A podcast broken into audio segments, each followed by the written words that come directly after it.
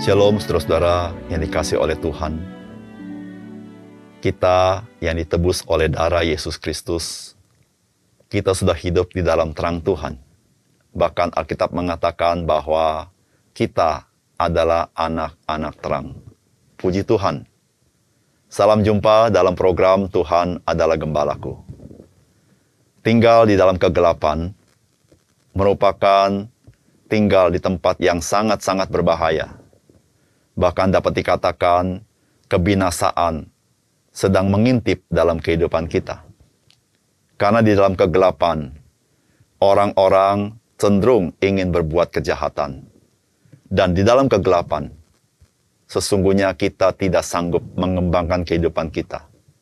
Yang ada adalah sifat-sifat yang sifatnya destruktif. Saudara kegelapan lahiriah membuat manusia tidak bisa berkembang dalam kehidupannya. Terlebih lagi kegelapan di dalam rohani. Kegelapan dalam rohani hanya satu indikasi memberitahukan kepada kita bahwa kebinasaan itu begitu dekat dengan kita. Saudara, terang hidup merupakan bagian yang sangat penting dalam hidup manusia. Dan firman Tuhan berkata terang itu hanya ada di dalam Tuhan. Di dalam firman Tuhan, Mazmur 27 ayat 1 berkata, Tuhan adalah terangku dan keselamatanku. Sudahkah saudara menerima Tuhan yang adalah terang itu? Mari kita membaca firman Tuhan dari keluaran 25 ayat 31 sampai dengan 40. Haruslah engkau membuat kandil dari emas murni. Dari emas tempaan harus kandil itu dibuat baik kakinya, baik batangnya, kelopaknya, dengan tombolnya dan kembangnya. Haruslah seiras dengan kandil itu. Enam cabang harus timbul dari sisinya. Tiga cabang kandil itu dari sisi yang satu dan tiga cabang dari sisi yang lain.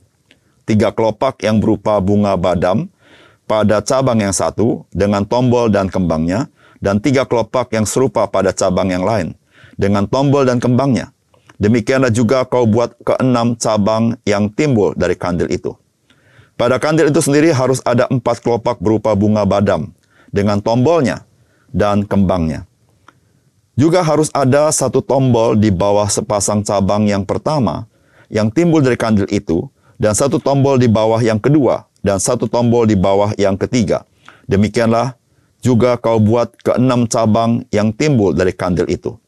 Tombol dan cabang itu harus timbul dari kandil itu, dan semuanya itu haruslah dibuat dari sepotong emas tempaan yang murni. Haruslah kau buat pada kandil itu tujuh lampu, dan lampu-lampu itu haruslah dipasang di atas kandil itu, sehingga diterangi yang di depannya. Sepitnya dan penadahnya haruslah dari emas murni. Dari satu talenta emas murni haruslah dibuat kandil itu dengan segala perkakasnya itu. Dan ingatlah, bahwa engkau membuat semuanya itu menurut contoh yang telah ditunjukkan kepadamu di atas gunung itu. Saudara yang dikasih oleh Tuhan, firman Tuhan yang kita baca hari ini adalah perintah Tuhan bagi umat Tuhan untuk membuat kandil emas, yaitu tempat untuk menyalakan lampu cahaya yang menerangi kemah suci Saudara-saudara, kandil ini terbuat dari emas. Emas itu gambaran daripada Allah yang hadir di tengah-tengah umatnya. Saudara, apakah pesan firman Tuhan dari bagian firman Tuhan yang kita baca hari ini? Saudara-saudara yang pertama, firman Tuhan yang kita baca hari ini merujuk kepada Yesus Kristus yang adalah terang hidup. Saudara, kandil ini dibuat seluruhnya dari emas.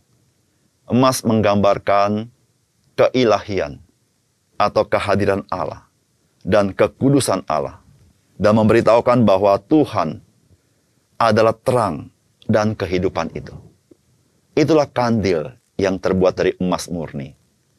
Saudara-saudara di dalam Yohanes pasal 1 ayat 4 sampai 5 dikatakan, di dalam Kristus ada hidup dan hidup itu adalah terang manusia. Terang itu bercahaya di dalam kegelapan dan kegelapan itu tidak menguasainya. Saudara kandil emas yang menerangi kemah suci menggambarkan akan Yesus Kristus yang datang ke dalam dunia yang begitu gelap dan dia adalah terang itu sendiri, yaitu terang hidup itu sendiri. Dan Tuhan Yesus pernah berkata di dalam Yohanes pasal 8 12 dikatakan, Akulah terang dunia. Barang siapa mengikut aku, ia tidak akan berjalan dalam kegelapan, melainkan ia akan mempunyai terang hidup. Saudara yang kasih dalam Tuhan, bukankah kandil dari emas memberitahukan bahwa hidup sebagai umat Tuhan, kita punya pengharapan, yaitu karena ada terang Tuhan di dalam kehidupan umat Tuhan. Karena di dalam terang itulah ada kehidupan. Dan Yesus berkata, Akulah terang dunia. Di mana barang siapa berjalan dalam terang, dia tidak berjalan dalam kegelapan. Karena dia mempunyai terang hidup. Terang hidup itu bukan berbicara hal yang lahir ya, Tapi terang hidup itu berbicara batinnya yang diterangi oleh roh Tuhan. Sehingga hatinya penuh dengan pengharapan. Hatinya penuh dengan rasa syukur. Melihat hidup ini, hidup yang berarti, hidup yang indah. Semua itu karena ada terang Tuhan, terang hidup itu di dalam hidup orang percaya. Oleh karena itu, saudara, Berbahagialah kita yang mengenal Yesus Kristus, karena dialah sesungguhnya adalah terang hidup dalam hidup kita. Yang kedua, Saudara firman Tuhan hari ini mengingatkan kepada kita bahwa umat Tuhan itu adalah terang bagi bangsa-bangsa. Hal ini dikatakan dalam Yesaya pasal 42 ayat 6 sampai 7. Aku ini Tuhan telah memanggil engkau untuk maksud penyelamatan, telah memegang tanganmu, Aku telah membentuk engkau dan memberi engkau menjadi perjanjian bagi umat manusia. Menjadi terang untuk bangsa-bangsa. Untuk membuka mata yang buta. Untuk mengeluarkan orang hukuman dari tempat tahanan. Dan mengeluarkan orang-orang yang duduk dalam gelap dari rumah penjara. Saudara kandil emas itu menerangi kemah suci. Dan saudara jangan lupa bahwa umat Tuhan mereka berada di sekitar kemah suci. Dan kandil emas itu harus dinyalakan dari petang sampai pagi. Sehingga kemah suci tetap bersinar, bercahaya. Memberitahukan kepada kita bahwa umat Tuhan sesungguhnya adalah terang bagi dunia ini. Dan hari ini, kita sebagai orang percaya adalah orang-orang yang dikatakan oleh Tuhan Yesus, kamu adalah terang dunia. Karena kita sudah menerima Yesus Kristus yang adalah terang itu. Dan Yesus Kristus ada di tengah-tengah kita. Bagaikan kemah suci yang berada di tengah-tengah daripada kumpulan orang-orang umat Tuhan pada waktu zaman Israel.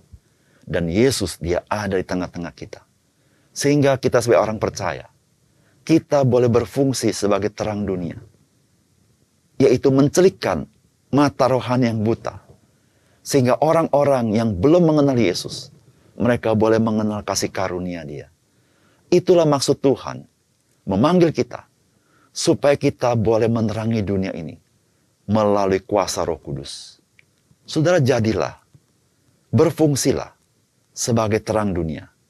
Karena Tuhan Yesus ada bersama-sama dengan kita. Yang ketiga, Saudara firman Tuhan hari ini mengajarkan kepada kita penyataan kemuliaan Allah yang digenapi di dalam Yesus Kristus. Saudara-saudara yang kasih dalam Tuhan, kandil emas merupakan tempat di mana imam menyalakan cahaya lampu untuk menerangi kemah suci. Dan kandil emas itu menggambarkan kemuliaan Tuhan di tengah-tengah umatnya. Dan pada penggenapannya, yaitu di dalam Yesus Kristus, Allah menyatakan kemuliaannya kepada kita. Yesaya pasal 42 ayat 8 berkata, Aku ini Tuhan, itulah namaku. Aku tidak akan memberikan kemuliaanku kepada yang lain atau kemasyuranku kepada patung.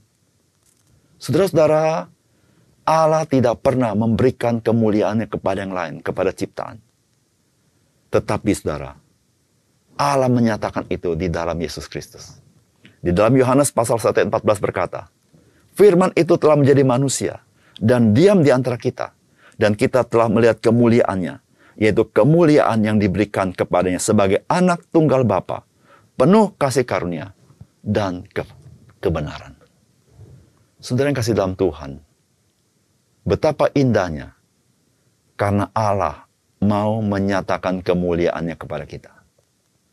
Bangsa Israel begitu takut ketika melihat kemuliaan Allah karena begitu dahsyat.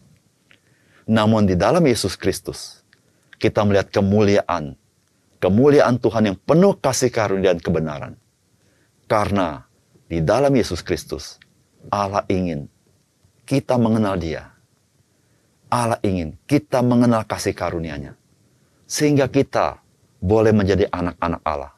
Dan hidup kita menjadi hidup yang diberkati bukan hanya secara jasmani, tetapi kehidupan yang kaya di dalam rohani kita. Diberkatilah kita, karena kita boleh menerima penyataan Allah, kemuliaannya, yaitu di dalam Yesus Kristus. Mari kita berdoa. Bapak surga terima kasih untuk firman-Mu. Kami bersyukur sekali bahwa kami boleh mengenal Yesus yang merupakan penggenapan daripada apa yang dirancangkan Tuhan dalam perjanjian lama supaya setiap kami boleh menerima terang hidup itu, sehingga kami tidak berjalan dalam kegelapan. Bahkan Tuhan menjadikan kami terang bagi dunia ini, supaya kami boleh menjadi berkat bagi orang lain, boleh mencelikkan mata rohani yang buta melalui pekerjaan Roh Kudus. Bahkan ya Tuhan, kami boleh melihat kemuliaan Tuhan di dalam Yesus Kristus, sehingga kami hati kami menjadi hati sorgawi di tengah dunia yang penuh dengan kegelapan dan penuh dengan dosa. Tetapi kami sungguh-sungguh mengalami berkat-berkat rohani daripada Tuhan. Tuhan terima kasih. Di dalam nama Tuhan Yesus kami berdoa. Amin.